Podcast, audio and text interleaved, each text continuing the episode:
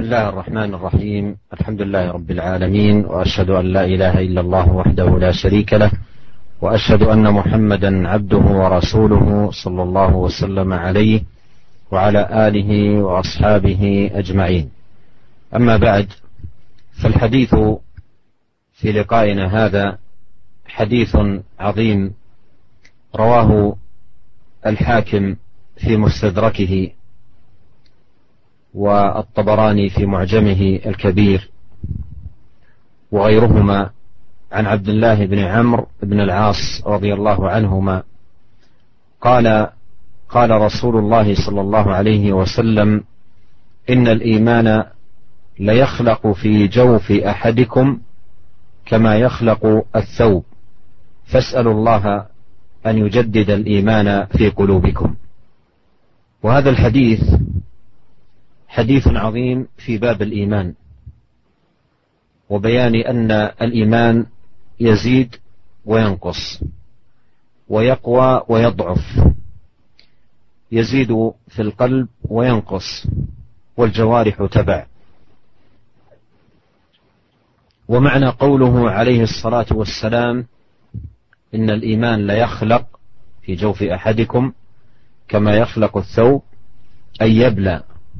ويضعف ويداخله النقص من جراء ما قد يقع فيه المرء من معاص وآثام تذهب جدة الإيمان وحيويته وقوته. ولهذا أرشد عليه الصلاة والسلام في هذا الحديث العظيم إلى تعاهد الإيمان والعمل على تقويته. بسم الله الرحمن الرحيم. الحمد لله. Segala puji dan syukur kita panjatkan kehadirat Allah Subhanahu wa taala. Salawat dan salam semoga senantiasa tercurahkan kepada junjungan kita, suri teladan kita Nabi Muhammad sallallahu alaihi wasallam beserta para sahabatnya dan keluarganya serta para pengikutnya yang setia hingga akhir zaman kelak. Amma ba'd. Uh, adapun hadis yang akan kita bahas pada pertemuan kita kali ini ada sebuah hadis yang sangat agung yang diriwayatkan oleh Al-Imam Al-Hakim dalam Mustadraknya demikian juga Tabrani dalam Al-Mu'jamul Kabir dan selain daripada mereka berdua dari sahabat Abdullah bin Amr bin Al-As radhiyallahu taala anhu bahwasanya dia berkata Nabi sallallahu alaihi wasallam Rasulullah sallallahu alaihi wasallam bersabda Innal iman la yakhlaq fi jawfi ahadikum kama yakhlaqu thawb.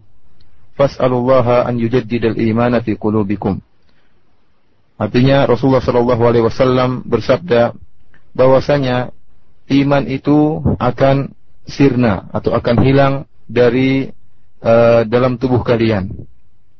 Dari dalam tubuh salah seorang dari kalian sebagaimana rusaknya atau sirnanya baju. Maka hendaknya kalian meminta kepada Allah Subhanahu wa taala agar Allah Subhanahu wa taala memperbaharui iman kalian dalam hati-hati kalian ini merupakan uh, hadis yang sangat agung yang berkaitan tentang dengan uh, pembahasan tentang keimanan. Di mana hadis ini menjelaskan bahwasanya iman itu bertambah dan juga berkurang. Iman itu bertambah dan berkurang di dalam hati, kemudian al-jawarih, anggota badan juga mengikuti ya. Sabda Nabi Shallallahu Alaihi Wasallam, Innal iman la bahwasanya iman itu la fi jawfi ahadikum, artinya yabla wayangkus artinya iman itu akan berkurang kemudian akan sirna dalam uh, dalam tubuh kalian. Artinya iman itu akan hilang dari uh, hati kita sedikit demi sedikit.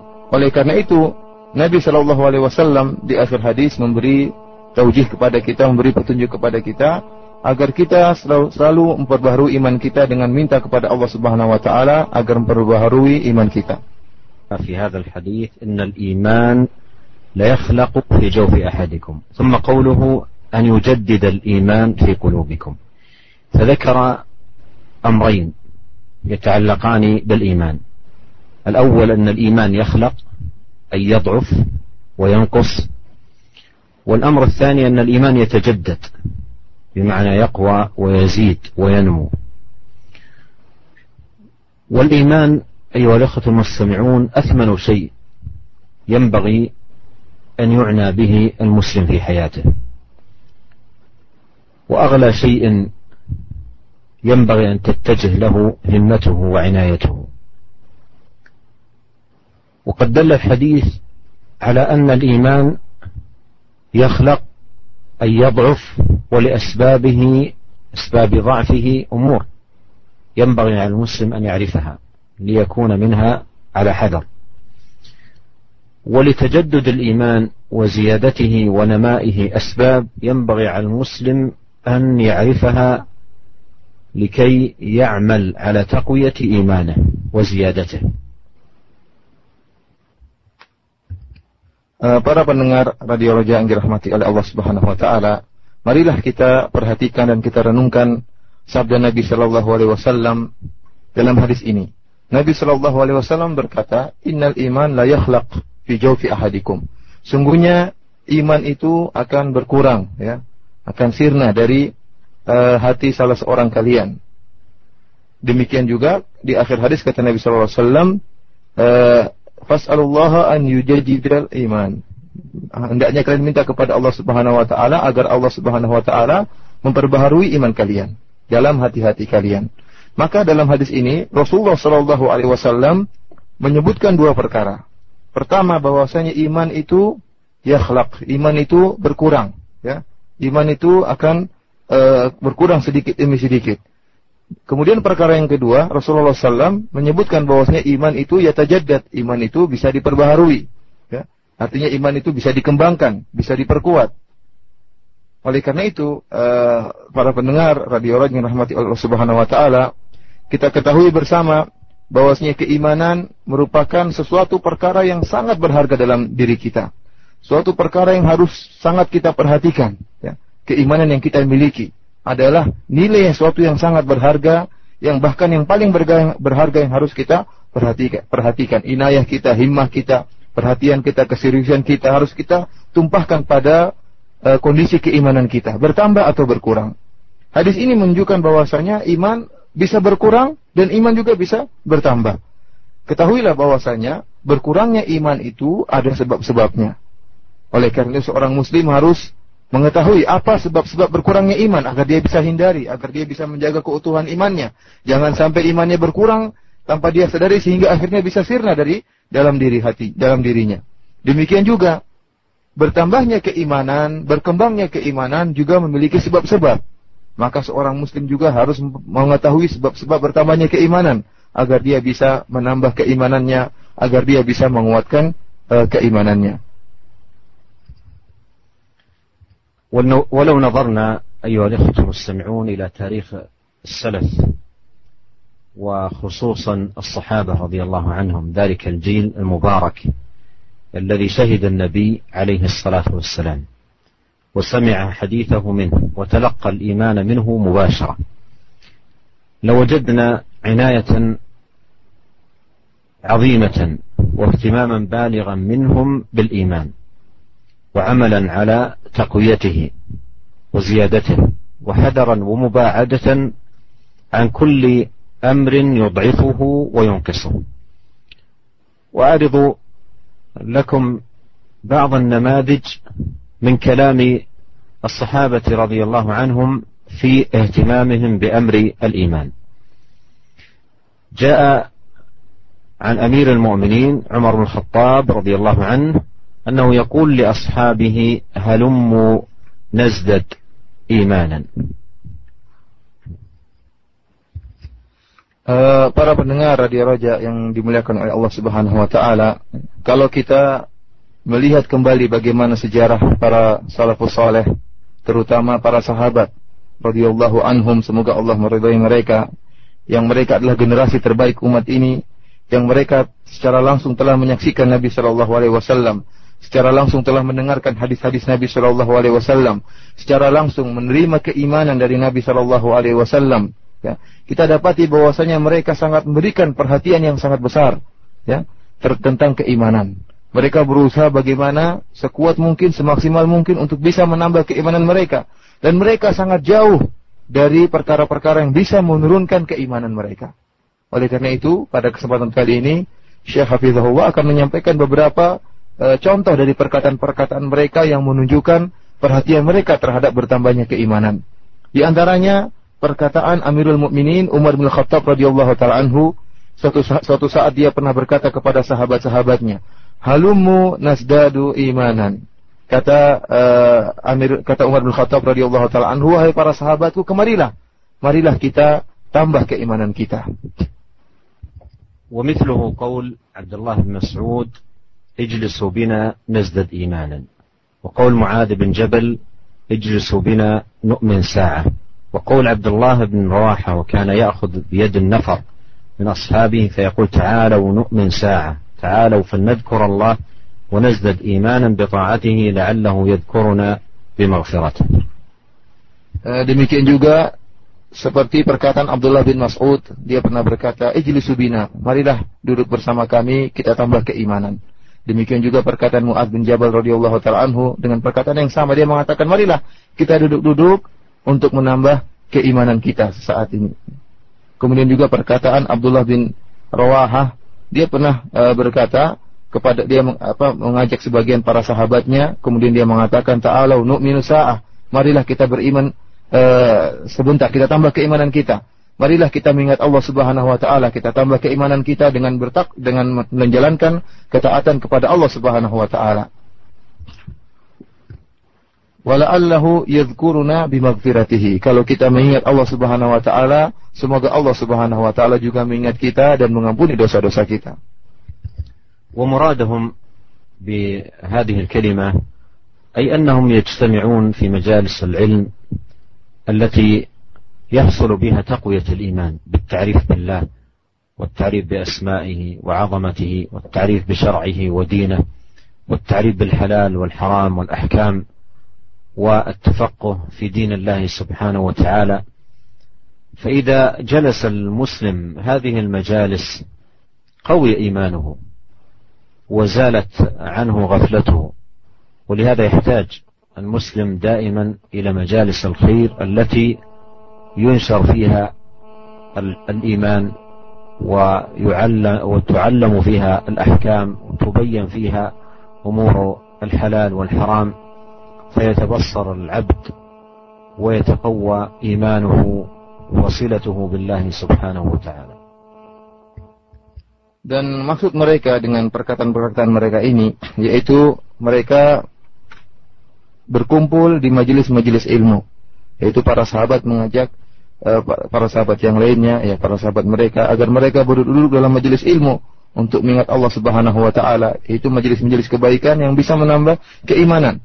Majelis ilmu di mana dijelaskan tentang keagungan Allah Subhanahu wa taala dijelaskan tentang sifat-sifat Allah Subhanahu wa taala dijelaskan tentang uh, agama Allah tafaqquh fid tentang halal dan haram. Majelis-majelis yang seperti ini menambah keimanan seorang hamba.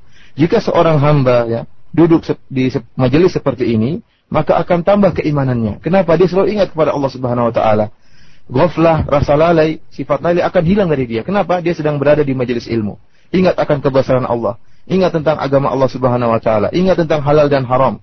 Yang semua perkara ini akan menambah keimanannya dan menghilangkan kelalaiannya dari uh, apa kemaksiatan dan yang lainnya. Oleh karena itu, seorang muslim senantiasa sangat membutuhkan dengan majelis-majelis ilmu yang seperti ini yang bisa menguatkan imannya, memperbaharui keimanannya dan meng, uh, menghilangkan dia dari kelalaian.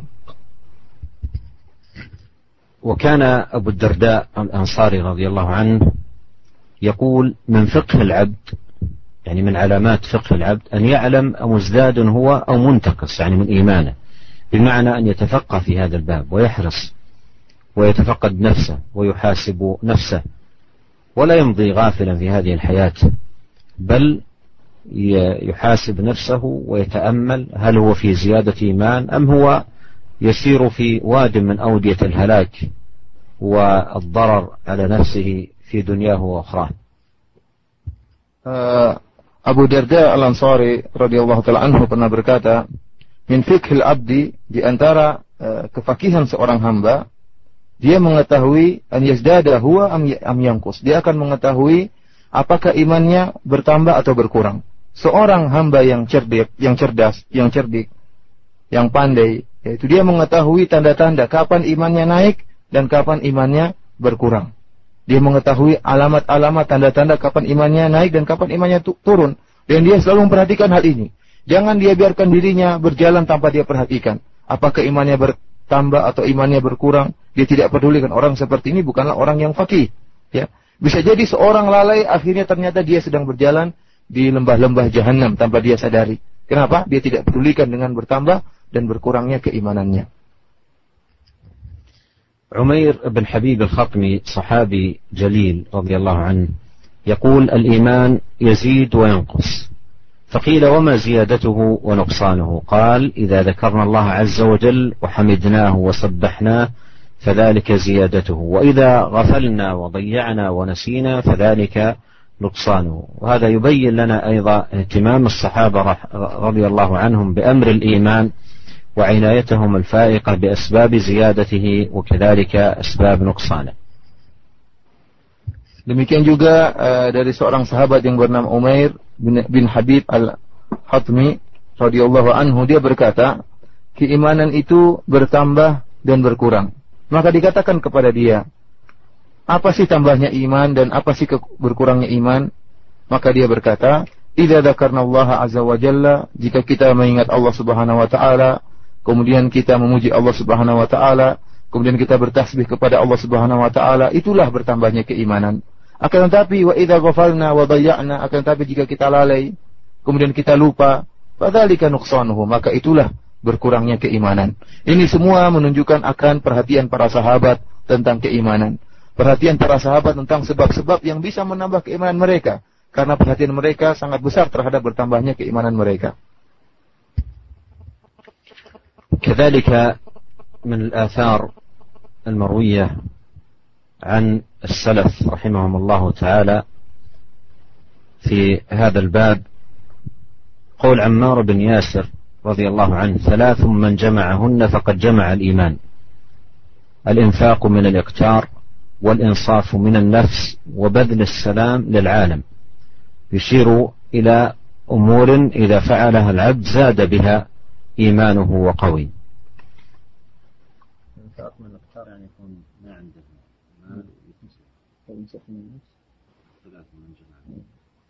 Uh, di antara juga perkataan seorang sahabat yang bernama Ammar bin Yasir radhiyallahu taala anhu, dia pernah berkata, ada tiga perkara yang jika seorang mengumpulkannya, maka dia telah mengumpulkan keimanan. Yang pertama al-infaq minal iqtar yaitu seorang yang uh, punya harta sedikit akan tetapi dia tetap berinfak ya punya harta sedikit namun dia tetap ber, berinfak.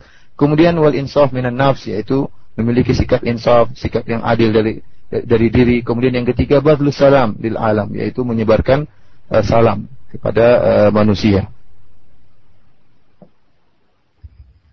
هذه مقدمة أردت من خلالها أن نعرف أهمية هذا الموضوع وأن الإيمان يزيد وينقص ويقوى ويضعف وأن أهله ليسوا فيه سواء ونقلت بعض النقول عن سلفنا الصالح رحمهم الله تعالى في هذا الأمر العظيم الجليل وفي حلقة هذا اليوم ولقاء هذا اليوم سأتحدث بشيء من التفصيل بإذن الله عز وجل عن أسباب زيادة الإيمان وقوته وفي لقاء الغد بإذن الله تعالى أتحدث عن القسم الآخر ألا وهو أسباب نقص الإيمان وضعفه.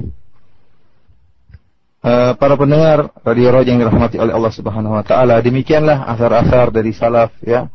Uh, kemudian uh, perkataan mereka dari para salafus saleh demikian juga dari para sahabat radhiyallahu anhum. Ini semua merupakan mukaddimah ya sekadar pembuka yang disampaikan oleh Syekh Hafizahullah untuk menjelaskan kepada kita akan pentingnya iman, bagaimana perhatian mereka terhadap keimanan, dan juga menjelas, menjelaskan kepada kita bahwasanya keimanan itu bisa naik dan keimanan juga bisa berturun, ya. Keimanan itu bisa naik dan keimanan, keimanan juga bisa berkurang. Tadi saya telah menukil ya perkataan eh, dari salafus saleh ya untuk menunjukkan bagaimana perhatian mereka tentang hal-hal yang bisa menambah keimanan dan jauhnya mereka dari hal-hal yang bisa mengurangi keimanan mereka. Maka insya Allah pada halakoh kita hari ini, pengajian kita kali ini, maka Syekh akan menjelaskan dengan uh, lebih terperinci tentang sebab-sebab yang bisa menambah keimanan kita. Dan insya Allah pada pengajian kita esok hari, uh, Syekh akan menjelaskan juga dengan terperinci hal-hal atau sebab-sebab yang bisa mengurangi uh, keimanan kita. وينبغي أن نعلم أيها الإخوة المستمعون أن الله سبحانه وتعالى جعل لكل مرغوب ومطلوب سببا وطريقا يوصل إليه ولا شك أن أعظم مطلوب وأجل مرغوب هو الإيمان والله سبحانه وتعالى جعل أسبابا عديدة وعظيمة تزيده وتنميه إذا فعلها العبد قوي إيمانه وزاد وقويت صلته بالله تبارك وتعالى Uh, dan harusnya uh, hendaknya para pendengar radio radio radio rahmati Allah Subhanahu wa taala hendaknya kita ketahui bahwasanya Allah Subhanahu wa taala ya menjadikan bagi setiap perkara yang disukai, perkara bagi setiap perkara yang dicari ada sebab dan ada jalan yang bisa mengantarkan kita kepada perkara yang kita sukai tersebut, pada perkara yang kita tuju tersebut. Dan kita ketahui bersama bahwasanya perkara yang sangat kita tuntut, yang sangat besar tuntutan kita terhadap perkara tersebut, yang sangat besar faedahnya adalah keimanan. Semua orang mencari namanya keimanan. Semua kita menghendaki untuk mendapatkan keimanan. Oleh karena itu Allah Subhanahu wa taala juga telah menjadikan sebab-sebab ya dan juga jalan-jalan yang bisa mengantarkan kita untuk memperoleh keimanan tersebut. Dan sebab-sebab tersebut e, banyak Allah Allah jelaskan agar kita bisa memperoleh apa yang kita kehendaki itu keimanan. السبب الأول لزيادة الإيمان تعلم العلم النافع علم الشريعة المستمد من كتاب الله سبحانه وتعالى وسنة نبيه صلى الله عليه وسلم بفهم بالاجتهاد في فهم معاني القرآن ومعاني الحديث ومعرفة الحلال والحرام والزهد والرقائق وغير ذلك من أمور الإيمان التي يحتاج العبد إلى تعلمها والتفقه فيها. ولهذا جاءت النصوص الشرعية في الحث على العلم والتعلم والتفقه وبيان ثواب ذلك كقوله عليه الصلاة والسلام من يرد الله به خيرا يفقهه في الدين.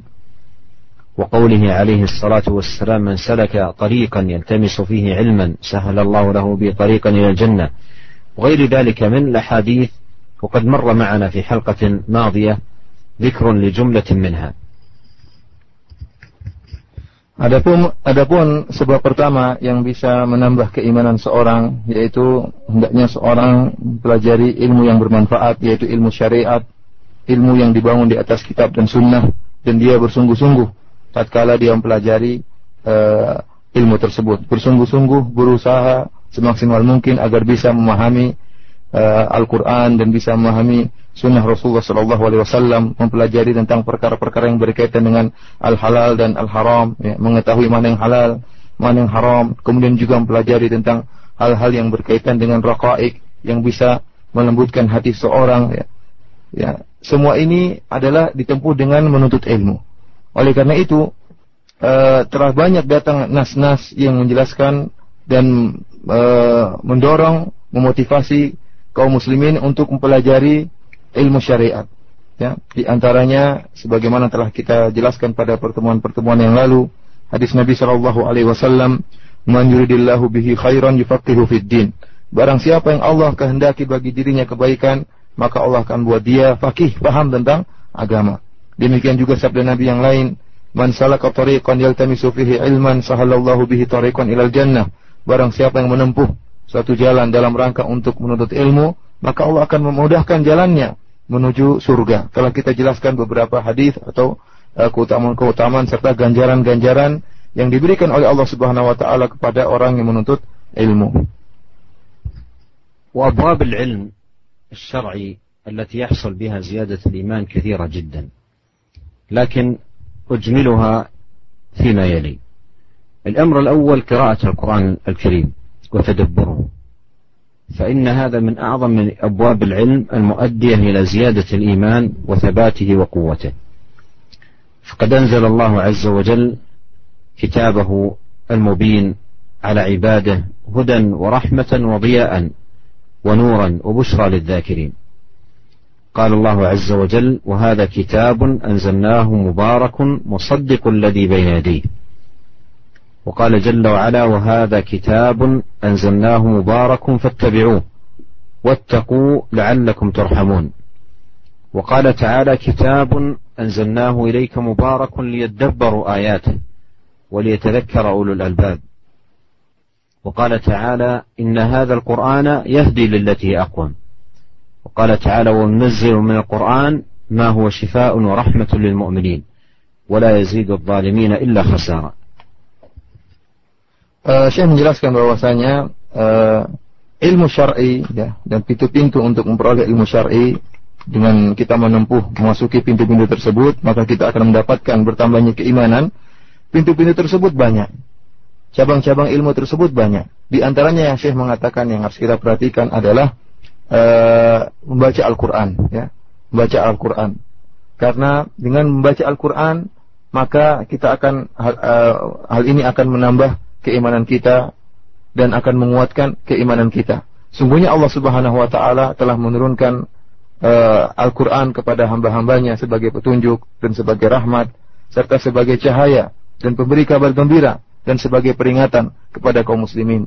Di antaranya dalam ayat tersebut Allah menjelaskan di antaranya dalam firman-Nya uh, wa kitabun anzalnahu mubarakun musaddiqul ladzi baina yadayhi bahwasanya Al-Quran ini ya kami telah turunkan yang Al-Quran tersebut penuh dengan barakah membenarkan apa yang ada uh, di depan Al-Quran.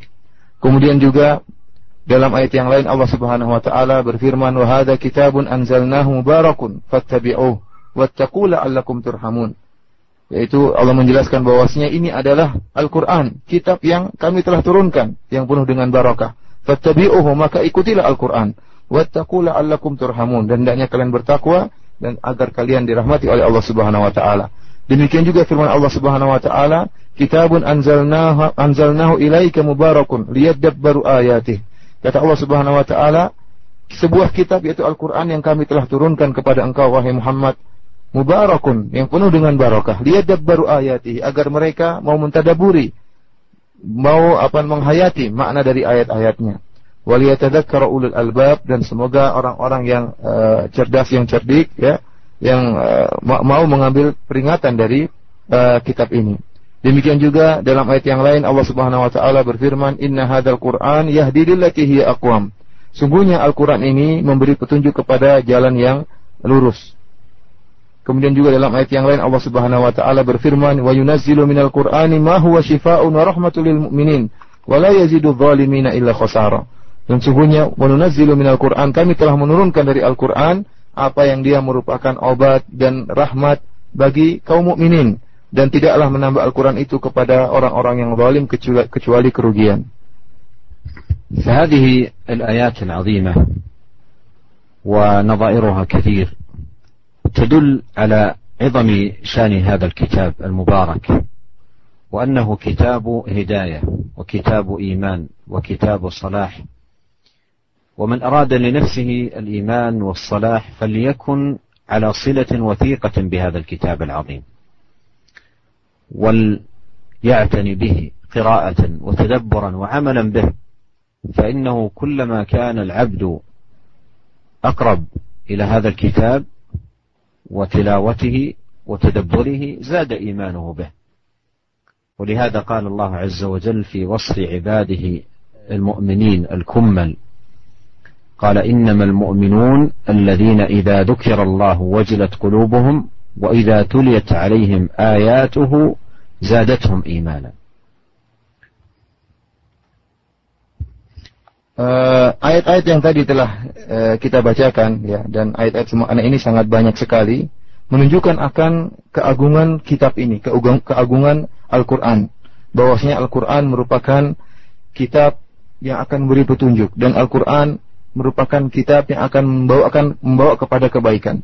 Maka jika seorang hamba memberi perhatian terhadap Al-Qur'an, membaca Al-Qur'an, kemudian mentadaburi mana maknanya, kemudian mengamalkan Al-Qur'an tersebut, maka imannya akan semakin bertambah.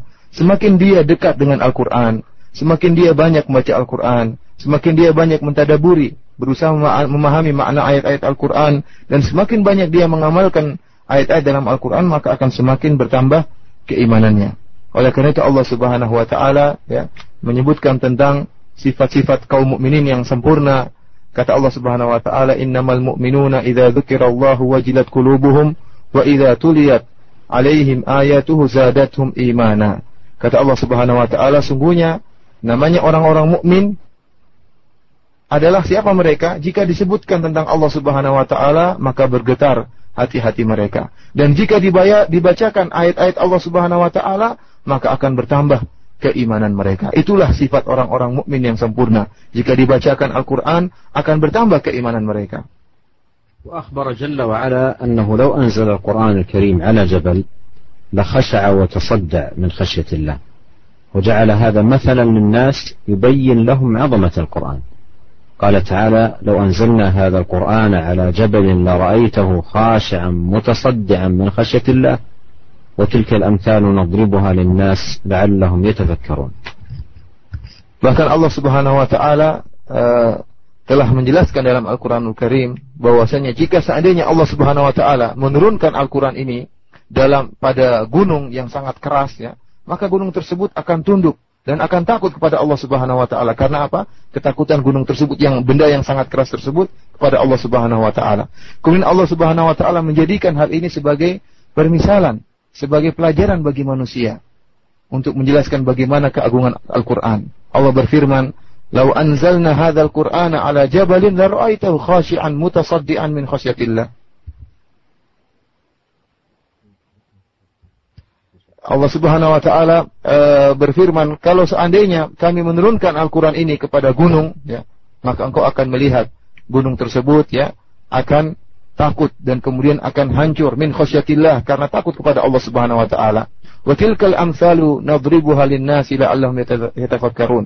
Demikianlah perumpamaan kami buat kepada manusia agar mereka mau merenungkan. يقول ابن القيم رحمه الله تعالى لا شيء أنفع للقلب من قراءة القرآن بالتدبر والتفكر فإنه جامع لجميع منازل السائرين وأحوال العاملين ومقامات العارفين. وهو الذي يورث المحبة والشوق والخوف والرجاء والإنابة والتوكل والرضا والتفويض والشكر والصبر وسائر الأحوال التي بها حياة القلب وكماله. وكذلك يزجر عن جميع الصفات والأفعال المذمومة التي بها فساد القلب وهلاكه. فلو علم الناس ما في قراءة القرآن بالتدبر لاشتغلوا بها an kulli ma siwaha. Uh, Al-Imam Ibnu Qayyim uh, pernah menjelaskan akan keutamaan Al-Quran. Beliau menjelaskan bahwasanya tidak ada suatu perkara yang lebih bermanfaat bagi hati kita daripada baca Al-Quran. Dengan bertadabur, kemudian dengan merenungkan makna-makna ayat Al-Quran. Itulah yang paling sangat bermanfaat bagi hati kita. Bagi keimanan kita. Sungguhnya baca Al-Quran itu akan dialah merupakan yang mengumpulkan seluruh manzilah dari orang-orang yang bertakwa kepada Allah Subhanahu wa taala. Ya. Dan baca Al-Qur'an itulah yang akan menumbuhkan kecintaan dan kerinduan kepada Allah Subhanahu wa taala, juga akan menimbulkan rasa khauf, ya, ketakutan dan juga roja, pengharapan dan rasa kembali serta bertawakal dan ridha dan menyerahkan diri kepada Allah Subhanahu wa taala. Baca Al-Qur'an juga akan menumbuhkan sifat rasa syukur kepada Allah Subhanahu wa taala dengan baca Al-Quran akan timbul rasa kesabaran. Demikian juga akan menimbulkan hal-hal yang lain, perkara-perkara yang lain, yang dengan perkara-perkara tersebut hati kita akan hidup ya. Hati kita akan eh, apa namanya iman kita akan hidup dan keimanan kita akan semakin sempurna. Demikian juga dengan baca Al-Qur'an maka uh, seorang atau hati kita keimanan kita hati kita akan uh, tertolak dari seluruh sifat-sifat yang tercela yang sifat-sifat tersebut akan merusak hati seorang dan akan menghancurkan hati seorang. Kalau seandainya manusia mengetahui dari keutamaan baca Al-Quran secara bertadabbur, maka mereka akan sibuk membaca Al-Quran dan mereka akan meninggalkan perkara-perkara yang lain. Kalau seandainya manusia mengetahui faedah keutamaan dari membaca Al-Quran, maka mereka akan sibuk dengan baca Al-Quran dan meninggalkan perkara yang lain. ولا يكفي مجرد التلاوة أو التلاوة المجردة. بل ينبغي أن يحرص المسلم على التلاوة والتدبر كما مر معنا الآيات بذلك. وأن يحرص على العمل بالقرآن ليرفعه الله سبحانه وتعالى بالقرآن العظيم. Namun Syekh mengingatkan bahwasanya membaca Al-Quran tidak cukup hanya sekedar dibaca, akan tetapi dibaca dan ditadaburi, yaitu berusaha untuk memahami kandungan maknanya. Kemudian juga tidak hanya ditadaburi, tetapi seorang muslim hendaknya berusaha membaca, mentadabur dan juga mengamalkan isi kandungan dari Al-Quran tersebut agar dia mendapatkan kedudukan yang tinggi di sisi Allah Subhanahu wa taala. الأمر الثاني من أبواب العلم التي تزيد الإيمان معرفة أسماء الله سبحانه وتعالى وصفاته المعرفة المقتضية لآثارها من العبودية والخضوع لله سبحانه وتعالى والله يقول إنما يخشى الله من عباده العلماء فالعبد كلما كان بالله أعرف كان منه أخوف ولعبادته أطلب وعن معصيته أبعد Kemudian perkara yang kedua yang bisa menambahkan keimanan seorang yaitu dia berusaha mengenal nama-nama Allah Subhanahu wa taala, berusaha mengenal sifat-sifat Allah Subhanahu wa taala, yaitu e, mengenal nama-nama tersebut dan mengenal sifat-sifat Allah Subhanahu wa taala yang membuat dia akhirnya apa? melaksanakan konsekuensi dari nama-nama Allah dan melaksanakan konsekuensi dari sifat-sifat Allah Subhanahu wa taala. Allah Subhanahu wa taala menjelaskan hal ini dalam Al-Qur'an dalam firman-Nya, "Innama yakhsyallaha min ibadihi ulama." Sungguhnya hanyalah yang takut kepada Allah Subhanahu wa taala, yang khusyuk kepada Allah Subhanahu wa taala di antara hamba-hambanya yaitu orang-orang yang berilmu, yang mengetahui tentang Allah Subhanahu wa taala. Oleh karena itu, seseorang jika semakin mengenal Allah Subhanahu wa taala, semakin mengerti tentang nama-nama Allah Subhanahu wa taala, semakin mengenal sifat-sifat Allah Subhanahu wa taala, maka dia akan semakin bertakwa, semakin dekat dengan Allah dan semakin tinggi keimanannya. Adapun jika dia semakin jauh dari mengenal nama-nama Allah, semakin tidak kenal dengan nama-nama Allah dan sifat-sifat Allah Subhanahu wa taala, maka dia pun akan semakin jauh dari Allah Subhanahu wa taala dan semakin uh, lemah keimanannya. فعلى سبيل المثال إذا علم العبد بتفرد الرب تعالى بالضر والنفع والعطاء والمنع والخلق والرزق والإحياء والإماتة فإن ذلك يثمر له عبودية التوكل عليه باطنا ولزوم التوكل وثمراته ظاهرا بحيث يكون دائما وأبدا آه، يخضع لله ويذل ويفتقر إليه ويطلب حاجته سبحانه وتعالى منه ولا يتوكل الا عليه ولا يلتجئ الا اليه لانه على علم تام بتفرده سبحانه وتعالى بالضر والنفع والعطاء والمنع والخلق والرزق والتدبير. Uh, sebagai contoh, saya menjelaskan Contohnya, jika seorang hamba mengetahui di antara sifat-sifat Allah bahwasanya Allah itu tafarrud ya, bahwasanya Allah Subhanahu wa taala bersendirian, esa dalam memberikan kemudaratan dan dalam memberikan kemanfaatan, dalam hal memberi dan mencegah.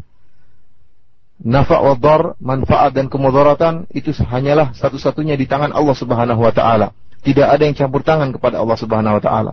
Demikian juga masalah memberi rezeki, menghidupkan dan mematikan ya. Semuanya hanyalah hak Allah Subhanahu wa taala, satu-satunya yang berhak melakukan itu semua.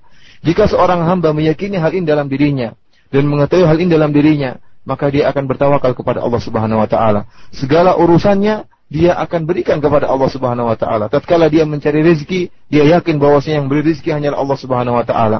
Tatkala dia berhadapan dengan kesulitan, dia yakin yang beri manfaat dan hanya yang menentukan kemudaratan hanyalah Allah Subhanahu wa taala maka dia senantiasa ya senantiasa bertawakal kepada Allah Subhanahu wa taala baik secara batin maupun secara zahir senantiasa bersandar kepada Allah Subhanahu wa taala karena dia benar-benar telah yakin bahwasanya tidak ada yang mengatur semua itu melainkan hanya Allah Subhanahu wa taala semata.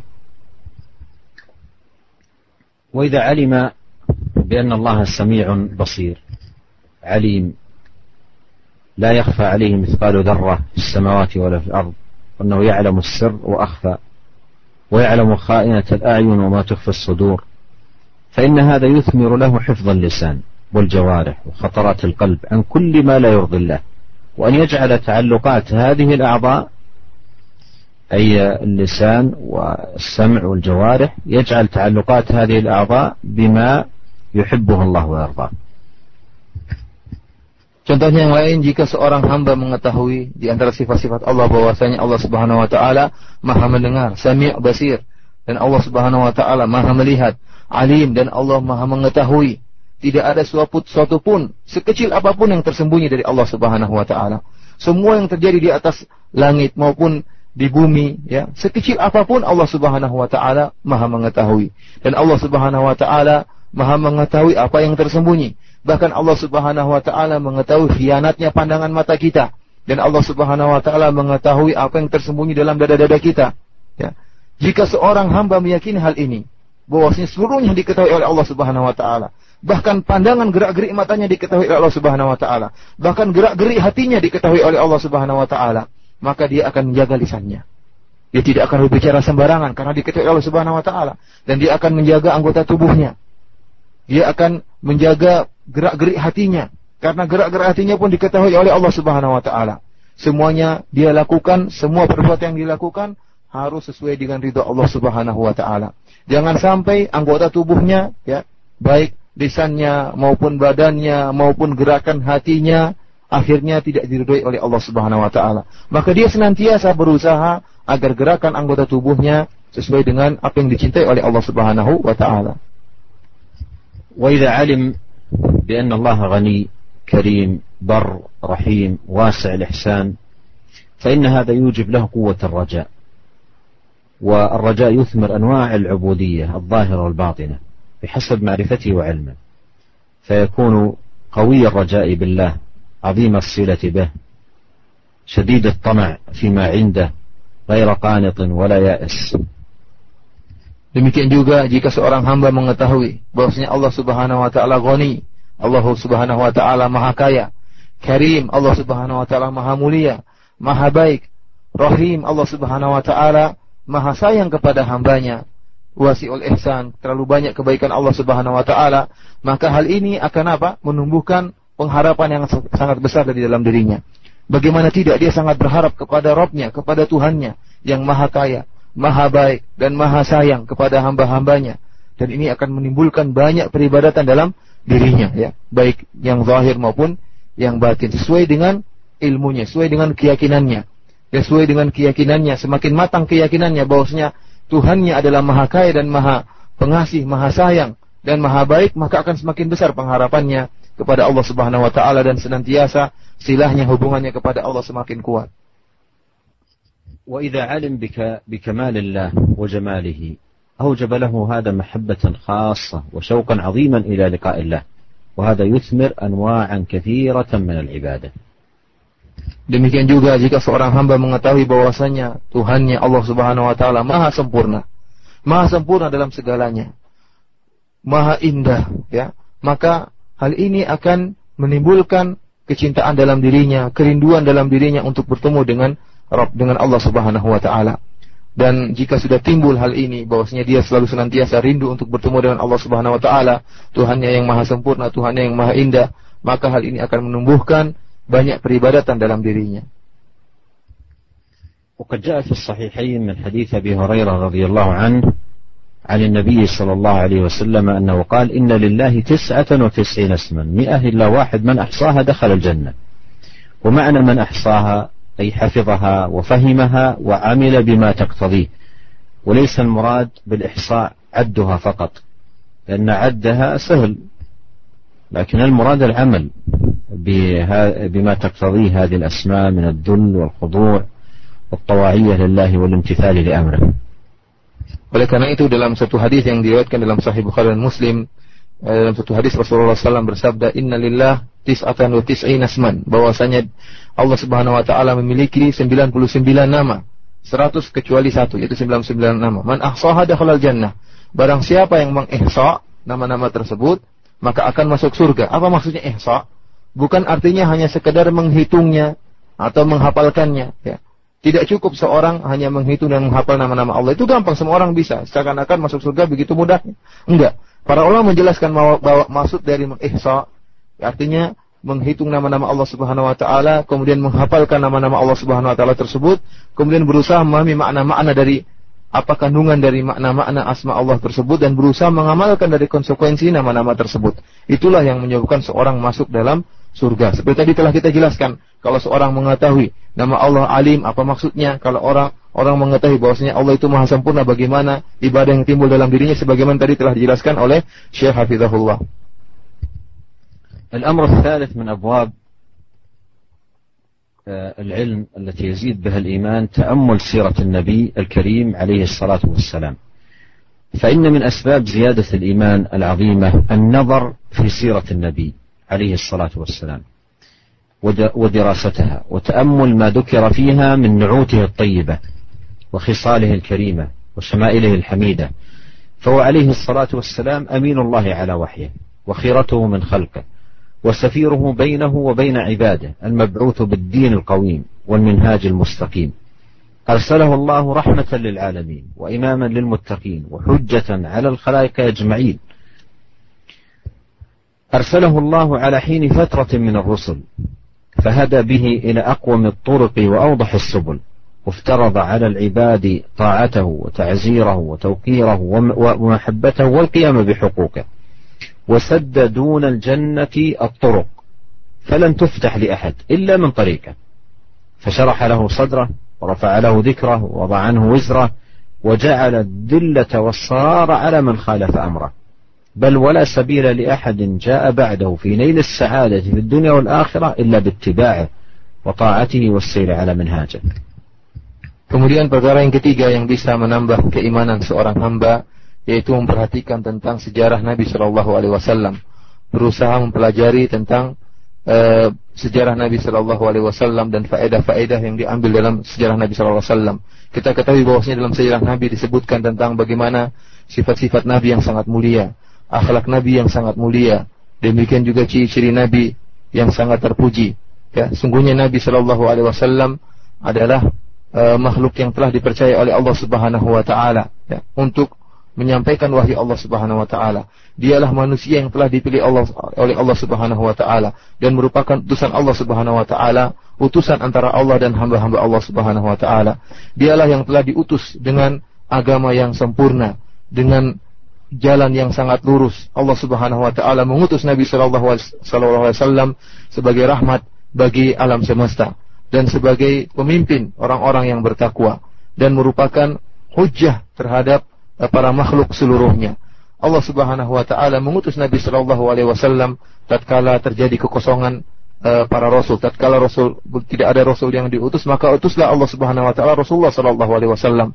Maka dengan uh, sebab Nabi sallallahu alaihi wasallam Allah memberi petunjuk kepada jalan yang paling lurus dan ke, memberi tunjuk petunjuk kepada jalan yang paling jelas dan Allah Subhanahu wa taala mewajibkan kepada hamba-hambanya untuk taat kepada Nabi Muhammad wasallam dan untuk menolongnya dan untuk membantunya serta untuk mengagungkan Nabi wasallam dan mencintainya serta Allah mewajibkan kepada hamba-hambanya untuk menjalankan hak-hak Nabi wasallam. Bahkan Allah Subhanahu wa taala telah menutup pintu surga. Seluruh jalan-jalan yang mengantarkan kepada surga telah ditutup oleh Allah Subhanahu wa taala kecuali satu pintu ya yang dibuka oleh Allah Subhanahu wa taala yaitu pintu pintu yang merupakan jalannya Nabi Shallallahu alaihi wasallam. Maka tidak mungkin seorang bisa masuk surga kecuali melalui jalannya Nabi Shallallahu alaihi wasallam. Allah Subhanahu wa taala ya, eh, telah melampangkan dari Nabi Shallallahu alaihi wasallam. Bahkan Allah Subhanahu wa taala telah meninggikan penyebutan Nabi Shallallahu alaihi wasallam dan Allah Subhanahu wa taala telah uh, menghilangkan dosa-dosa Nabi Shallallahu Alaihi Wasallam. Bahkan Allah Subhanahu Wa Taala menjadikan kerendahan dan kehinaan terhadap orang-orang yang menyelisih perintah Nabi Shallallahu Alaihi Wasallam. Kita ulangi bahwasanya tidak ada jalan bagi seorang pun untuk bisa mencapai kebahagiaan baik di dunia maupun di akhirat kecuali dengan mengikuti jalan Nabi Shallallahu Alaihi Wasallam kecuali dengan itibak kepada Nabi dan taat kepada Nabi Shallallahu Alaihi Wasallam serta berjalan di atas jalan Nabi Shallallahu Alaihi Wasallam. وليس المراد بقراءة السيرة أن يخصص ليلة أو مناسبة معينة يجتمع فيها وتقرأ السيرة أو تنشد القصائد والمدائح فهذا مما لا يثمر قوة الإيمان. الذي يثمر قوة الإيمان أن يكون المسلم في حياته كلها مرتبط بالسيرة ودراستها والحرص على معرفة أخلاقه وآدابه. أما الاحتفالات احتفل في ليلة أو في وقت معين وتقرأ قصائد ومدائح وأشياء من هذا القبيل هذه كلها لا تثمر زيادة الإيمان. ولهذا السلف رحمهم الله من الصحابة ومن اتبعهم تركوا هذا ولم يعملوا به. ولو كان خيرا لسبقونا إليه. فالمراد بدراسة السيرة الارتباط بها. بحيث أن الإنسان يجتهد في معرفة أخلاق النبي عليه الصلاة والسلام وآدابه ومعاملاته حتى يتبعه ويقتدي به ويأتسي به عليه الصلاة والسلام Eh, kemudian Syekh menjelaskan bahwasanya bukanlah maksud kita tatkala menjelaskan bahwasanya e, memahami sirah Nabi Shallallahu Alaihi Wasallam bisa menambah keimanan, bukan maksudnya hanya sekedar dibaca. Ya, sebagian dilakukan oleh sebagian orang, mereka hanya sekedar membaca tentang sirah Nabi Shallallahu Alaihi Wasallam dengan menghususkan suatu malam, mereka berkumpul, kemudian membaca tentang sejarah Nabi Shallallahu Alaihi Wasallam secara ringkas, kemudian mereka melantunkan kasidah-kasidah, syair-syair yang muji-muji Nabi Shallallahu Alaihi Wasallam.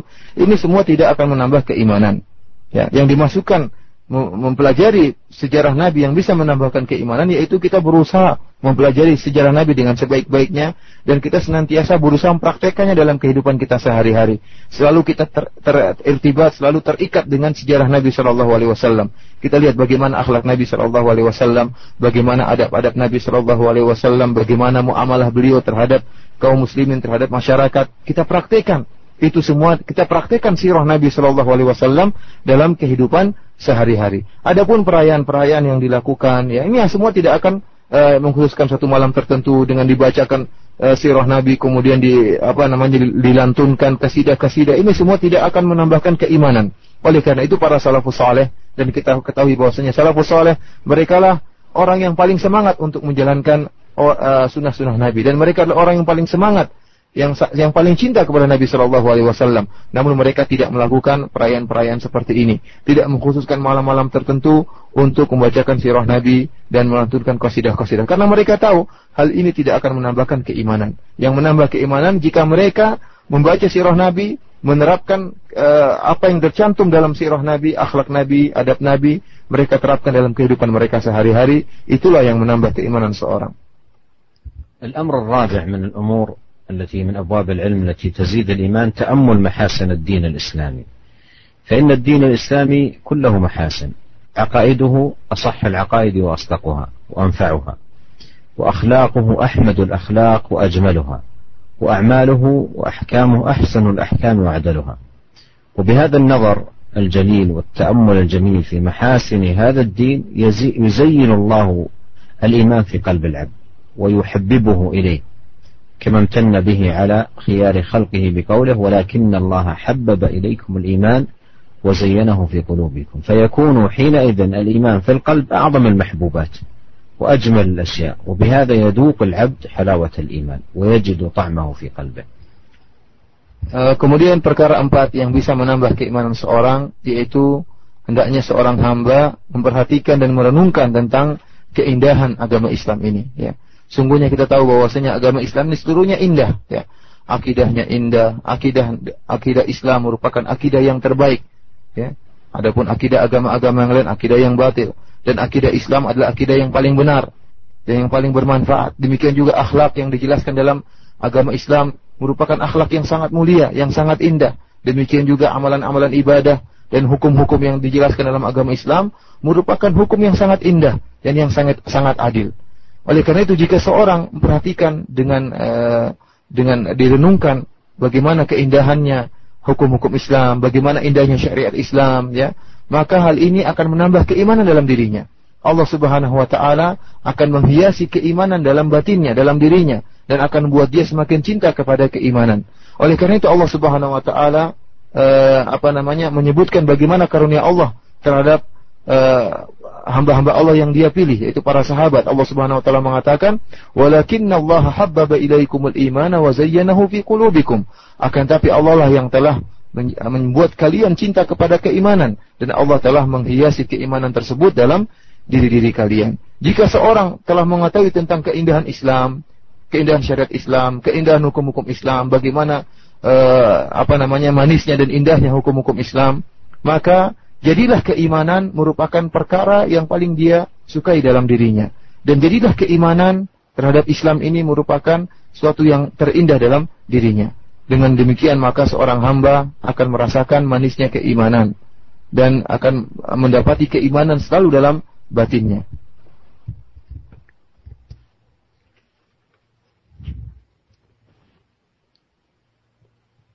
كذلك من الامور العظيمه التي هي من أبواب العلم وتزيد في الإيمان قراءة سير السلف الصالح الصحابة ومن اتبعهم بإحسان. الذين هم خير القرون وحماة الإسلام وهداة الأنام. الذين لهم المواقف العظيمة الجليلة في خدمة هذا الدين ونصرته. وقد مدحهم الله بقوله كنتم خير أمة أخرجت للناس. وقول وقول النبي صلى الله عليه وسلم في شأنهم خير أمتي القرن الذي بعثت فيه ثم الذين يلونهم فالتأمل في سير هؤلاء من أعظم الأمور التي تزيد إيمان العبد kemudian di antara ilmu yang bermanfaat yang bisa menambah keimanan seorang yaitu uh, membaca tentang sejarah para salafus saleh. Bagaimana pendahulu kaum muslimin yang para sahabat dan para tabi'in ya, bagaimana mereka adalah orang-orang uh, yang terbaik yang ada di umat Islam. Mereka adalah penjaga Islam, para pembela Islam. Dan mereka adalah eh, orang-orang uh, yang dengan jalan mereka kaum muslimin mendapatkan petunjuk dengan jalan mereka. Allah Subhanahu wa taala telah uh, memuji mereka dalam Al-Qur'an yaitu para sahabat khususnya kuntum khairu ummatin ukhrijat linnas Sungguhnya kalian adalah umat terbaik yang pernah dikeluarkan bagi manusia. Bahwasanya para sahabat umat terpilih yang telah dipilih oleh Allah Subhanahu wa taala. Maka mempelajari bagaimana sirah mereka itu sangatlah penting. Bagaimana akhlak mereka, bagaimana perjuangan mereka membela Islam. Demikian juga dalam satu hadis Rasulullah sallallahu alaihi wasallam bersabda, "Khairu ummati al-qarnul ladzi bu'itsu fihi." sebaik-baik umatku adalah generasi yang aku diutus pada generasi tersebut yaitu para sahabat. Summa ladzina yalunahum kemudian uh, para tabi'in. Maka hendaknya kita mempelajari bagaimana sejarah mereka agar kita mencontohi mereka. فمن تأمل هؤلاء حال هؤلاء الأخيار وقرأ سيرهم وعرف محاسنهم وتأمل ما كانوا عليه من خلق عظيم وتأسم بالرسول الكريم صلى الله عليه وسلم وتعاهد للإيمان وخوف من الذنوب والمعاصي وحذر من الرياء والنفاق وإقبال على الطاعة وتنافس في فعل الخير وتبصر في حالهم وقوة إيمانهم وشدة تعبدهم وحرصهم على طاعة الله وإعراضهم عن الدنيا الفانية وإقبالهم على الآخرة الباقية فإنه سيقف من خلال هذا التأمل والنظر على جمل من المحاسن وكثير من النعوت والخلال ما يدعوه إلى صدق التأسي بهم ومحبة التحلي بنعوتهم. Maka barang siapa yang memperhatikan sejarah mereka, kondisi mereka, ya, mereka adalah orang-orang yang terpilih, kemudian mereka membaca, kita seorang yang membaca tentang sejarah mereka, maka dia akan mengetahui tentang kebaikan-kebaikan mereka, mengetahui tentang bagaimana akhlak mereka yang sangat agung, bagaimana uh, teladan mereka terhadap Rasulullah Shallallahu Alaihi Wasallam, bagaimana perhatian mereka terhadap keimanan, bagaimana ketakutan mereka terhadap namanya uh, maksiat dan dosa, bagaimana perhatian mereka, keseriusan mereka untuk menjauhkan diri mereka dari namanya riak dan kemunafikan, bagaimana semangat mereka untuk taat kepada Allah Subhanahu Wa Taala dan berlomba-lombanya mereka dalam melakukan kebaikan, ya. Jika seorang telah melihat bagaimana kondisi mereka yang luar biasa seperti itu, ya, bagaimana semangat mereka untuk taat kepada Allah, serta bagaimana sikap mereka yang menjauhi dunia yang fana ini, serta uh, apa namanya keseriusan mereka, semangat mereka dalam um, uh, berjalan menempuh uh, ke akhirat, ya, maka dia akan mendapati, ya, uh, bagaimana keseriusan mereka dalam mencontohi Nabi Shallallahu Alaihi Wasallam seorang hamba yang membaca tentang sejarah mereka, maka dia akan benar-benar juga ikut seperti mereka. Berusaha untuk bisa meneladani mereka dengan sebaik-baiknya. Jika dia telah melakukan hal ini, maka imannya akan bertambah sebagaimana keimanan mereka, para sahabat. كذلك أيها الإخوة المستمعون من الأمور التي تزيد الإيمان التأمل في آيات الله الكونية والنظر في مخلوقات الله المتنوعة العجيبة من سماء وأرض وشمس وقمر وكواكب ونجوم وليل ونهار وجبال وأشجار وبحار وأنهار وغير ذلك من مخلوقات الله التي لا تعد ولا تحصى. فهذا من أعظم دواعي الإيمان وأنفع أسباب تقويته.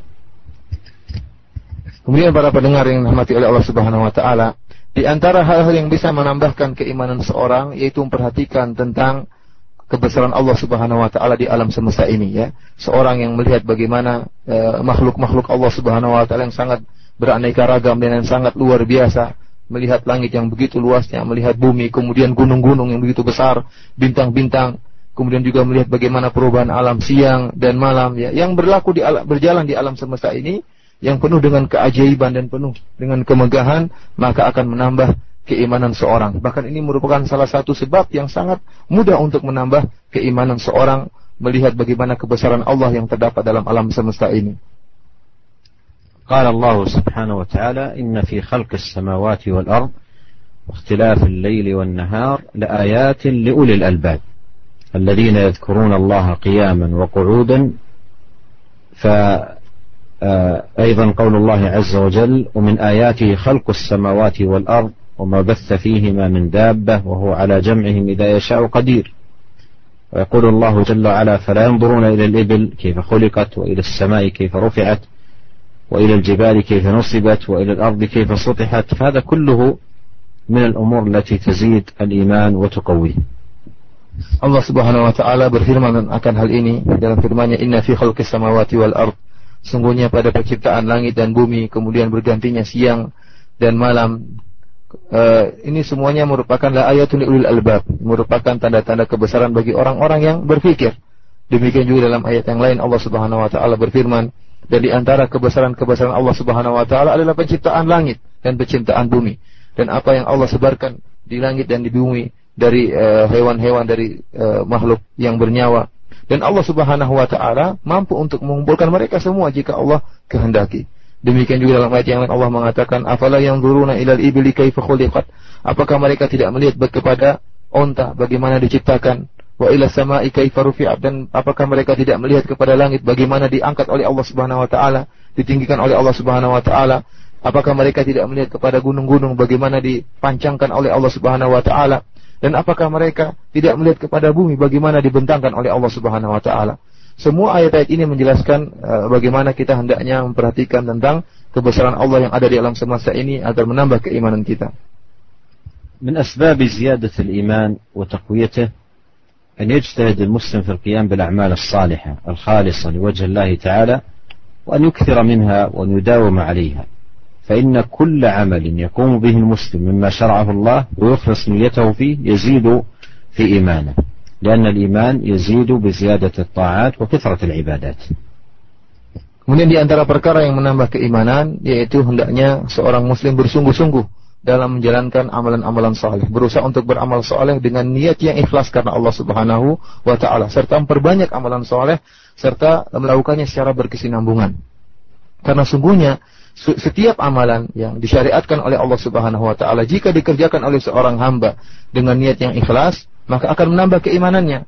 Karena keimanan itu bertambah dengan bertambahnya ketaatan dan semakin banyaknya ketaatan dan semakinnya banyak semakin banyaknya ibadah, maka akan semakin menambah keimanan seorang.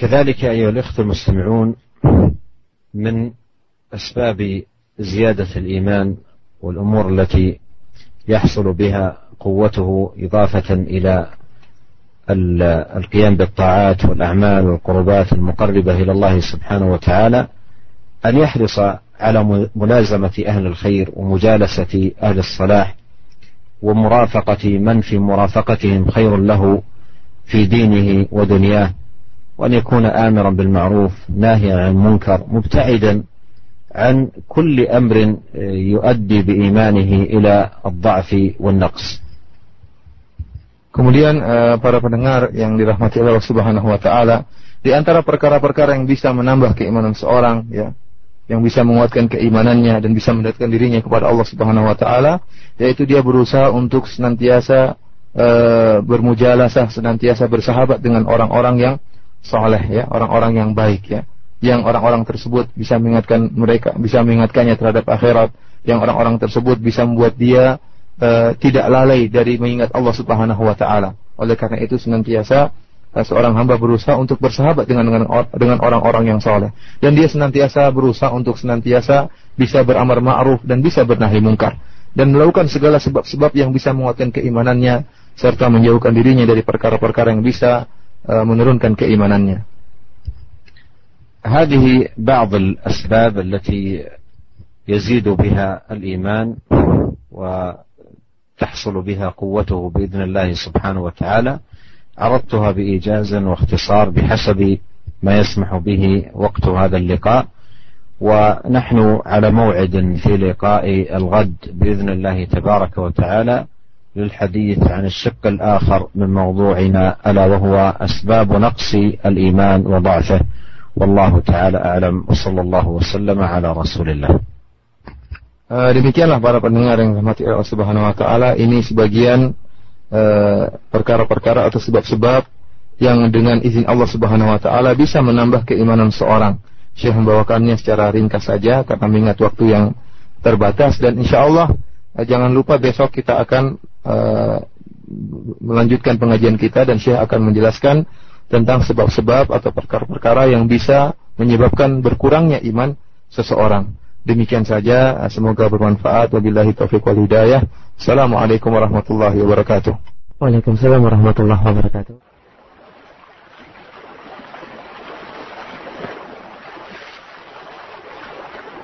Ikhwatal Islam, simaklah kajian ilmiah, untayan mutiara nasihat.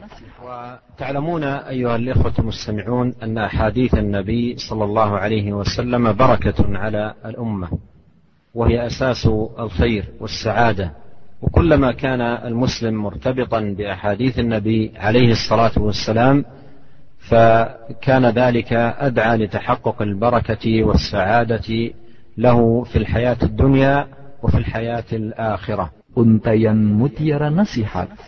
Kita ketahui bersama bahwasanya hadis Nabi Shallallahu Alaihi Wasallam adalah penuh dengan barokah. Fondasi daripada kebaikan dan keberkahan serta kebahagiaan di dunia ini maupun di akhirat yang disampaikan secara langsung dari kota Madinah, Saudi Arabia bersama Fadilatul Syekh Profesor Dr. Abdul Razak bin Abdul Muhsin Al-Badr sallallahu alaihi wasallam wa yatanawal al-hadith Beliau adalah guru besar bidang akidah Universitas Islam Madinah, Saudi Arabia. Beliau juga merupakan pengajar tetap di Masjid Nabawi مدينة النبوية تواصل معنا من خلال هذا البرنامج لنعيش ساعات طيبة ولحظات كريمة Jangan ketinggalan مع حديث رسولنا faidah-faidah penting dari hadis-hadis Nabi Sallallahu Alaihi Wasallam yang beliau sampaikan. Setiap hari Ahad malam dan Senin malam pukul 21 waktu Indonesia bagian Barat. Dan kebahagiaan baik di dunia maupun di akhirat. Kemudian beliau mengatakan Anda juga bisa turut berinteraksi uh, melalui layanan on air kami 021 823 6543 atau melalui pesan singkat di 021 7073 6543.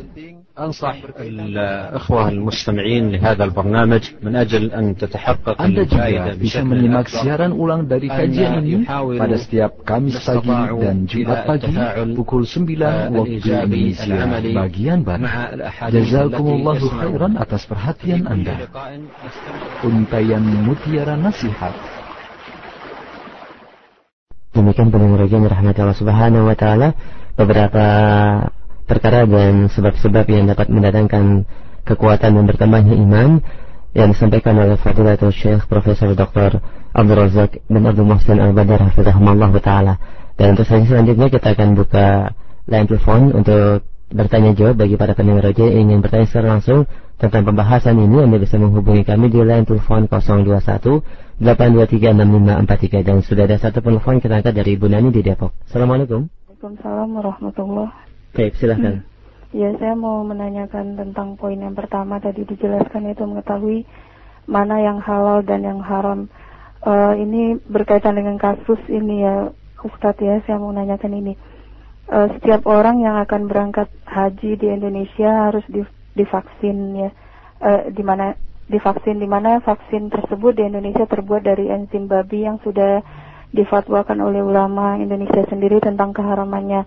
Nah, yang mau saya tanyakan e, minta fatwa dari saya, apakah kita e, setelah kita tahu vaksin tersebut haram, kita tunda keberangkatan haji kita sampai dengan pemerintah menyediakan vaksin yang halal?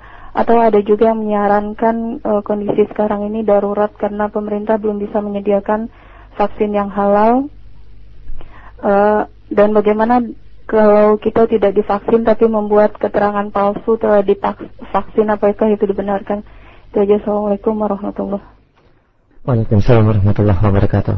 Nah, bisa difahami Ustaz ya dan silahkan.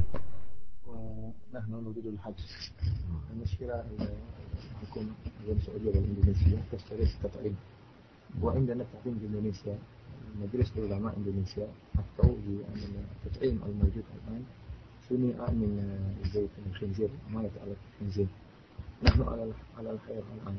هل نحن نعمل تطعيم نقع في الحرم ونحج أو نترك الحج نؤجل إلى أن يسأل الله بتطعيم جديد غير المصنوع من الخنزير.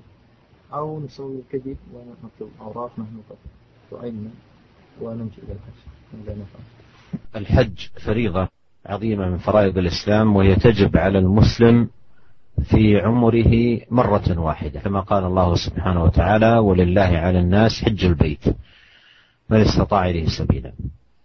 ولا يقوم بالحج بطرائق فيها كذب أو فيها حيل أو فيها آه، تجاوزات وإنما يأتي بها بالطريقة الشرعية ويأتي الأمور من أبوابها. والتطعيمات التي هي ضد آه، بعض الأمراض لا بأس بها. وليس في الشريعة ما ينهى عنها. لكنه جاء في الحديث عنه عليه الصلاة والسلام تداوى عباد الله ولا تتداوى بحرام. وجاء عنه عليه الصلاة والسلام أنه قال ما جعل الله شفاء أمتي فيما حرم عليها إذا كانت السائلة على يقين ليس فقط بالدعايات وما يثار أحيانا وإنما إن كانت على يقين أن آه، أن التطعيم آه، قائم على آه، شيء من الخنزير فهذا ليس فيه شفاء وليس فيه وقاية لأن النبي صلى الله عليه وسلم قال ما جعل الله شفاء أمتي فيما حرم عليها وعلى المسلم أن يتقي الله عز وجل mustata'. Uh, Syekh menjelaskan bahwasanya uh, haji adalah kewajiban yang sangat agung yang diwajibkan bagi setiap muslim ya sekali dalam seumur hidup bagi yang mampu. Bagi yang mampu. Oleh karena itu Allah Subhanahu wa taala berfirman walillahi 'alan nasi hajjul baiti man istata'a ilaihi sabila. Dan uh, wajib bagi manusia untuk uh, melaksanakan ibadah haji siapa bagi seorang yang mampu untuk bisa melaksanakan ibadah haji. Dan Syekh mengingatkan bahwasanya karena ibadah haji merupakan ibadah yang sangat agung, maka hendaknya seorang tidak melaksanakannya dengan cara yang macam-macam, artinya dengan cara yang ada hilah atau cara yang melanggar syariat. Maka hendaknya dia menjalankan sesuai dengan peraturan, berusaha menjalankan ibadah haji dengan sebaik-baiknya. Karena ibadah haji merupakan ibadah yang sangat agung, jangan sampai terkotori dengan Eh, cara-cara yang tidak benar yang tidak disyariatkan oleh Allah Subhanahu wa taala. Adapun masalah apa namanya uh, vaksin atau uh, yang ditanyakan itu kata Syekh mengatakan bahwasanya imunisasi atau vaksinasi itu semuanya dibolehkan dalam syariat ya. Dibolehkan dalam syariat karena memang tidak terlarang. Akan tetapi Rasulullah Shallallahu alaihi wasallam bersabda dalam hadisnya tadawa ibadallah wala tadawa bil haram kata Rasulullah sallam Wahai hamba-hamba Allah, hendaknya kalian berobat. Namun janganlah kalian berobat dengan perkara-perkara yang diharamkan oleh Allah Subhanahu wa taala. Dalam hadis yang lain Rasulullah SAW bersabda, "Ma ja'alallahu syifa ummati fima harrama alaih." Bahwasanya Allah Subhanahu wa taala tidak menjadikan obat bagi umatku pada perkara-perkara yang diharamkan oleh Allah Subhanahu wa taala. Oleh karena itu, jika Ibu Bu Nani yang telah bertanya tentang masalah ini yakin bahwasanya tat'im atau vaksin yang di, disyaratkan itu memang terbuat dari e, bagian daripada hewan babi, ya, maka yakinlah bahwasanya itu tidak akan bermanfaat dan tidak akan menjadikan obat karena Allah tidak menjadikan obat pada perkara yang diharamkan oleh Allah Subhanahu wa taala. Namun dia harus dalam keadaan yakin. Kalau dia yakin maka jangan dia lakukan. Adapun kalau hanya sekedar ada di ayat, hanya propaganda atau hanya isu-isu, maka hendaknya dia berusaha mengecek dengan uh, sebaik-baiknya. Baik, kita angkat kembali dari telepon dari Bu Ami di Bekasi. Baik, Assalamualaikum. Waalaikumsalam. Silahkan Ibu. Assalamualaikum Syekh. Uh, saya mau bertanya, uh, kalau dan tadi saya sudah katakan bahwa sebab pertamanya keimanan salah satunya adalah dengan mempelajari ilmu syar'i, yaitu dengan mentadaburi Al-Quran. Bagaimana caranya kita uh, dapat mentadaburi Al-Quran? Apakah kita benar-benar harus uh, mengenal bahasa Arab terlebih dahulu baru bisa benar-benar mentadaburi? Dan kita kalau minta mau mentadaburi itu biasanya kan uh, tetap aja ada gangguan setan gitu. Gimana caranya kita untuk lebih kuat untuk bisa benar-benar melawan godaan setan dan uh, kita benar-benar uh, uh, mentadaburi Al-Quran itu benar-benar sempurna gitu. Gimana nasihat dari Syekh uh, Jazakallah khairan. Assalamualaikum warahmatullahi wabarakatuh. Assalamualaikum warahmatullahi wabarakatuh. Silahkan Ustaz bisa diterjemahkan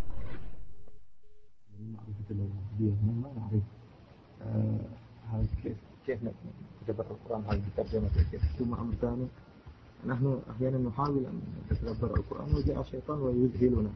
وكيف يتعرف آه، السائلة سؤالها يتكون من شقين. الشق الأول تسأل هل تدبر القرآن لا بد فيه من معرفة اللغة العربية؟ والجواب أن الله عز وجل قال في القرآن الكريم اتقوا الله ما استطعتم. إذا كان الإنسان لا يحسن اللغة العربية وتهيأ له كتبا سليمة وصحيحة تبين له معاني القرآن بلغته فإنه يستفيد منها. فيقرأ القرآن ويكثر من قراءة القرآن الكريم ويستفيد معاني هذه الآيات من الكتب المعتمدة الصحيحة التي تبين له معاني القرآن الكريم. والشق الثاني من سؤالها وهو أن الشيطان يتسلط على الإنسان عندما يقرأ ويريد أن يتدبر ويعمل بالقرآن ليصرفه وهذا حق كما ذكرت السائلة. ولهذا قال الله عز وجل فإذا قرأت القرآن فاستعذ بالله من الشيطان فيستعيذ العبد عندما يريد أن يتلو كتاب الله عز وجل ويتعوذ بالله من الشيطان الرجيم. والتعود التجاء إلى الله سبحانه وتعالى واعتصام به ثم يتبع التعود بالمجاهدة مجاهدة النفس على التفكر والتدبر وأيضا مجاهدتها على العمل والتطبيق uh, Adapun pertanyaan ibu ini, ya, saya menjelaskan bahwasanya uh, Allah Subhanahu wa taala telah berfirman dalam Al-Qur'an, "Fattaqullaha masata'tum." Hendaknya kalian bertakwa kepada Allah Subhanahu wa taala, beribadah kepada Allah Subhanahu wa taala semampu kalian. Jika ternyata seorang hamba tidak bisa berbahasa Arab, ya, dan alhamdulillah uh, di negaranya telah ada buku-buku yang bisa menunjang kepada dia agar dia bisa memahami Al-Quran, maka dia berusaha untuk mengambil faedah dari buku-buku tersebut. Ya, karena dia tidak bisa bahasa Arab, maka dia tetap baca Al-Quran sambil berusaha untuk melihat terjemah dari makna-makna kalimat-kalimat yang ada dalam Al-Quran. Demikian juga buku-buku tafsir yang sudah diterjemahkan berusaha untuk dibaca, ya, dipelajari agar menambah tadabur dia terhadap ayat-ayat Al-Quran yang dia baca. Ya.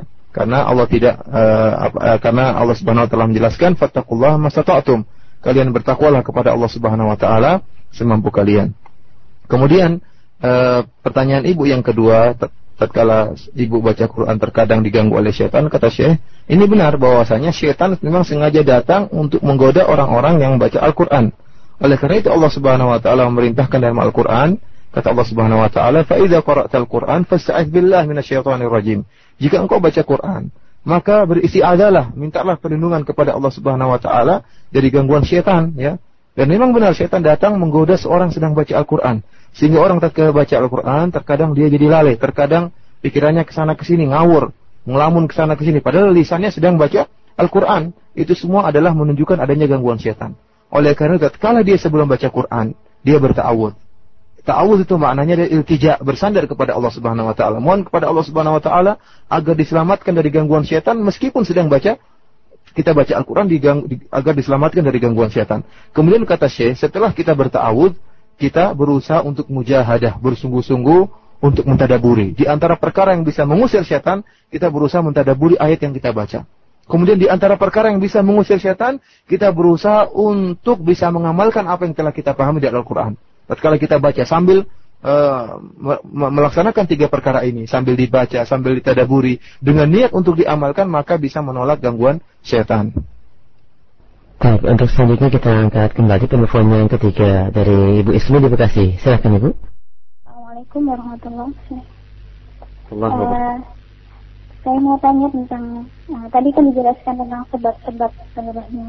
Uh, bagaimana untuk memaksakan jiwa kita agar menjalankan eh, sebab-sebab uh, yang telah disebutkan tadi. Demikian.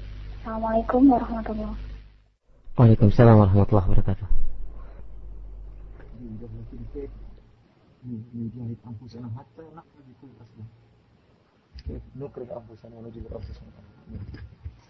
هذا السؤال الذي طرحت هذه السائلة هو سؤال يدل على رغبة قوية في قلبها إن شاء الله على العمل وهذا من أمارات الخير. ولا يكفي أن يكون حظ الإنسان من العلم سماعه فقط ثم ينشغل بعد ذلك بالصوارف والسواد من أمور الدنيا وملهياتها وإنما يجعل هذه الأمور منه على بال ويجاهد نفسه على العمل. والله سبحانه وتعالى يقول والذين جاهدوا فينا لنهدينهم سبلنا وإن الله لمع المحسن. فيجاهد الإنسان نفسه ويتفكر في هذه النقاط ويحاسب نفسه ويمضي على هذه الحال إلى أن يتوفاه الله سبحانه وتعالى وهو راض عنه. Uh, pertanyaan ibu ini menunjukkan semangatnya ibu yang sangat kuat untuk bisa menambah keimanan ibu. Ya, tentunya saya menjelaskan bahwasanya tidaklah cukup seorang itu ya dia hanya mendengarkan tentang ilmu, ya, dengar pengajian, dengar radio, dengar radio roja, namun tidak diamalkan ini percuma ya. Seorang hendaknya berusaha untuk memahami ilmu dan berusaha untuk uh, mengamalkan. Oleh karena itu, ibu yang sudah mendengarkan tentang sebab-sebab ini ya jangan cuma dijadikan seperti angin lalu. Sebagian orang kalau dengar pengajian seperti angin lalu saja. Sekarang iya iya besok sudah dilupakan. Enggak.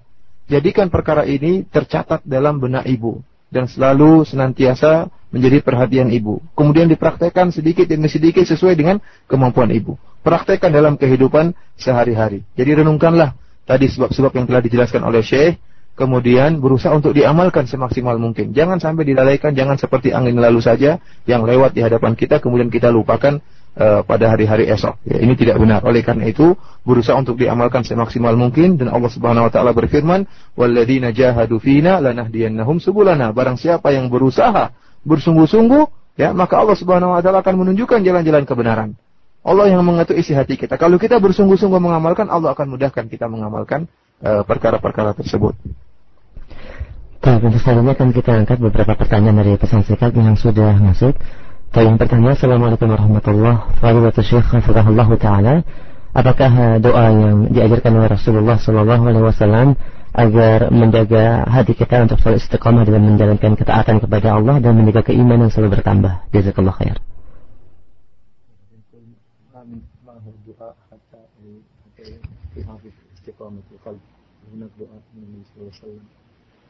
الأدعية التي تتعلق باستقامة القلب الواردة في السنة كثيرة. ومن هذه الأدعية ما جاء في الحديث الصحيح اللهم آت نفسي تقواها زكها أنت خير من زكاها أنت وليها ومولاها. كذلك الدعاء الذي علمه النبي صلى الله عليه وسلم لعلي بن أبي طالب اللهم اهدني وسددني. وكذلك آه، الدعاء بما ثبت عن النبي عليه الصلاة والسلام أنه يدعو به اللهم أصلح لي ديني الذي هو عصمة أمري وأصلح لي دنياي التي فيها معاشي وأصلح لي آخرتي التي فيها معادي واجعل الحياة زيادة لي في كل خير والموت راحة لي من كل شر. وكذلك الدعاء الذي كان يكثر منه نبينا عليه الصلاة والسلام يا مقلب القلوب ثبت قلبي على دينك. Saya menjelaskan bahwasanya doa-doa yang e, berkaitan tentang masalah ini agar menjaga istiqomah hati kita sangatlah banyak ya. Di antaranya doa yang pernah dibacakan oleh Nabi sallallahu alaihi wasallam, Allahumma ati nafsi taqwaha wa zakkiha anta khairu man zakkaha. Yang artinya ya Allah, berikanlah ketakwaan pada jiwaku dan sucikanlah jiwaku ya. Anta waliyuha maulaha. Demikian juga di antara doa yang lain yang pernah di, Rasulullah ajarkan kepada Ali bin Abi Thalib, Allahumma hdini wa saddidni. Ya Allah berilah petunjuk kepadaku dan luruskanlah aku. Ya. Allahumma hdini wa saddidni. Demikian juga doa yang lain Allah Rasulullah SAW pernah berdoa, Allahumma aslih li dini alladhi huwa ismatu amri wa aslih li dunyaya allati fiha ma'ashi. Yaitu ya Allah uh, ya Allah luruskanlah atau perbaikilah agamaku dan juga ya Allah perbaikilah kehidupanku dan perbaikilah akhiratku dan sebagainya. Waja'al uh, hayata ziyadatan li fi kulli khair waja'al mauta rahatan li kulli syarr. Ya Allah jadikanlah kehidupanku yaitu menambah kebaikanku dan jadilah kematianku yaitu berhentinya aku daripada seluruh keburukan. Dan di antara doa yang sering dibaca oleh Nabi Shallallahu Alaihi Wasallam yaitu doa Nabi Shallallahu Alaihi Wasallam, Ya muqallibal qulub, tsabbit qalbi ala dinik. Wahai zat yang bolak-balikkan hati-hati manusia, tetapkanlah hatiku di atas agamamu. Ya, yang jelas kita alhamdulillah banyak doa dan kita berdoa dengan sungguh-sungguh berharap uh, dikabulkan dari Allah Subhanahu wa taala. Kita angkat satu pertanyaan. Assalamualaikum warahmatullahi wabarakatuh. Ustadz, e, berbagai kekurangan sering menghalangi kami untuk menghadiri kajian ilmu karena keterbatasan e, ekonomi yang ada, sehingga kami hanya terbatas mendengarkan kajian dari radio ini saja, dan itu pun hanya waktu malam. Iman kurang, mohon nasihatnya ya Fadilatul Syekh, jika keluar dari Abu Roja di ujung aspal. Pondok Gede.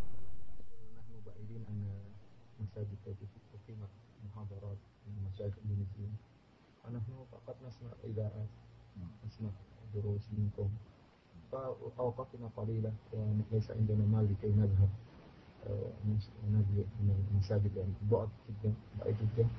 فأحيانا ينقص إيماننا فنرجو نصيحتكم. على كل حال الإذاعة تعتبر باب خير. وأسأل الله عز وجل أن يوفق القائمين على هذه الإذاعة لمزيد الجهد والبذل والعطاء لنفع إخوانهم المسلمين في أندونيسيا. وعلى هذا السائل وأمثاله أن يجتهدوا قدر استطاعتهم. والحمد لله في زماننا هذا توفرت وسائل الاتصال لتحصيل الفائدة والمنفعة بشكل يعني عظيم وجيد. فعلى السائل أن يتقي الله وأن يجتهد وأن إذا كان قارئا يبحث عن الكتب الجيدة النافعة فيقرأ ويستفيد وإذا كان آه، أيضا مستمعا يحرص على آه، سماع الإذاعة وسماع الأشرطة الجيدة النافعة المفيدة ويجاهد نفسه. والله يقول والذين جاهدوا فينا لنهدينهم سبلنا. والله وإن الله لمع المحسنين. والله تعالى أعلم وصلى الله وسلم على رسول الله. Saya menjelaskan eh, bagaimanapun juga bahwasanya radio itu merupakan uh, salah satu pintu kebaikan yang sangat besar ya. Oleh karena itu beliau berdoa kepada Allah Subhanahu wa taala ya. Agar memberi kebaikan kepada uh, kru-kru radio Roja yang telah uh, mengeluarkan atau telah berusaha dengan semaksimal mungkin berusaha untuk memberi faedah kepada kaum muslimin ya di Indonesia dengan mengenalkan radio Roja ini betapa banyak orang yang mendapatkan petunjuk dan hidayah. Uh, kemudian saya menjelaskan bahwa adapun uh, para pendengar sekalian diharapkan untuk bersungguh-sungguh ya semaksimal mungkin untuk bisa mengambil manfaat dari radio ini ya. Dan alhamdulillah kata beliau sekarang sarana begitu banyak ya, sarana begitu mudah agar orang bisa menuntut ilmu. Di antaranya radio, di antaranya radio. Maka seorang hendaknya uh, mengambil kesempatan yang ada dan dimanfaatkan semaksimal mungkin dalam bertakwa kepada Allah Subhanahu wa taala. Kalau dia hanya mampu untuk mendengarkan radio, maka dia mendengarkan dengan sebaik-baiknya dan berusaha untuk mengamalkan dengan sebaik-baiknya. Kalau dia senang untuk membaca, maka berusaha mencari buku-buku yang bermanfaat. Beli buku-buku terjemahan atau buku-buku yang ilmiah yang bermanfaat, kemudian dia baca sebaik-baiknya dan berusaha untuk diamalkan. Ingatlah Allah Subhanahu wa taala berfirman, "Walladzina jahadu fina lanahdiyannahum subulana." Barang siapa yang bersungguh-sungguh menempuh jalanku, maka kami akan menunjukkan jalan-jalan kami. Ya. Jadi barang siapa yang memang dalam hatinya ada kesungguhan dan Allah maha mengetahui, maka Allah akan mudahkan jalan-jalannya. Barang siapa yang bersungguh-sungguh menuntut ilmu, Allah akan mudahkan jalannya. Demikian saja yang bisa disampaikan oleh Syekh pada uh, kajian kita hari ini. Semoga Allah Subhanahu wa taala uh, memberikan manfaat pada kajian ini dan demikian saja kurang lebihnya kami mohon maaf. Wabillahi taufiq wal hidayah. Assalamualaikum warahmatullahi wabarakatuh.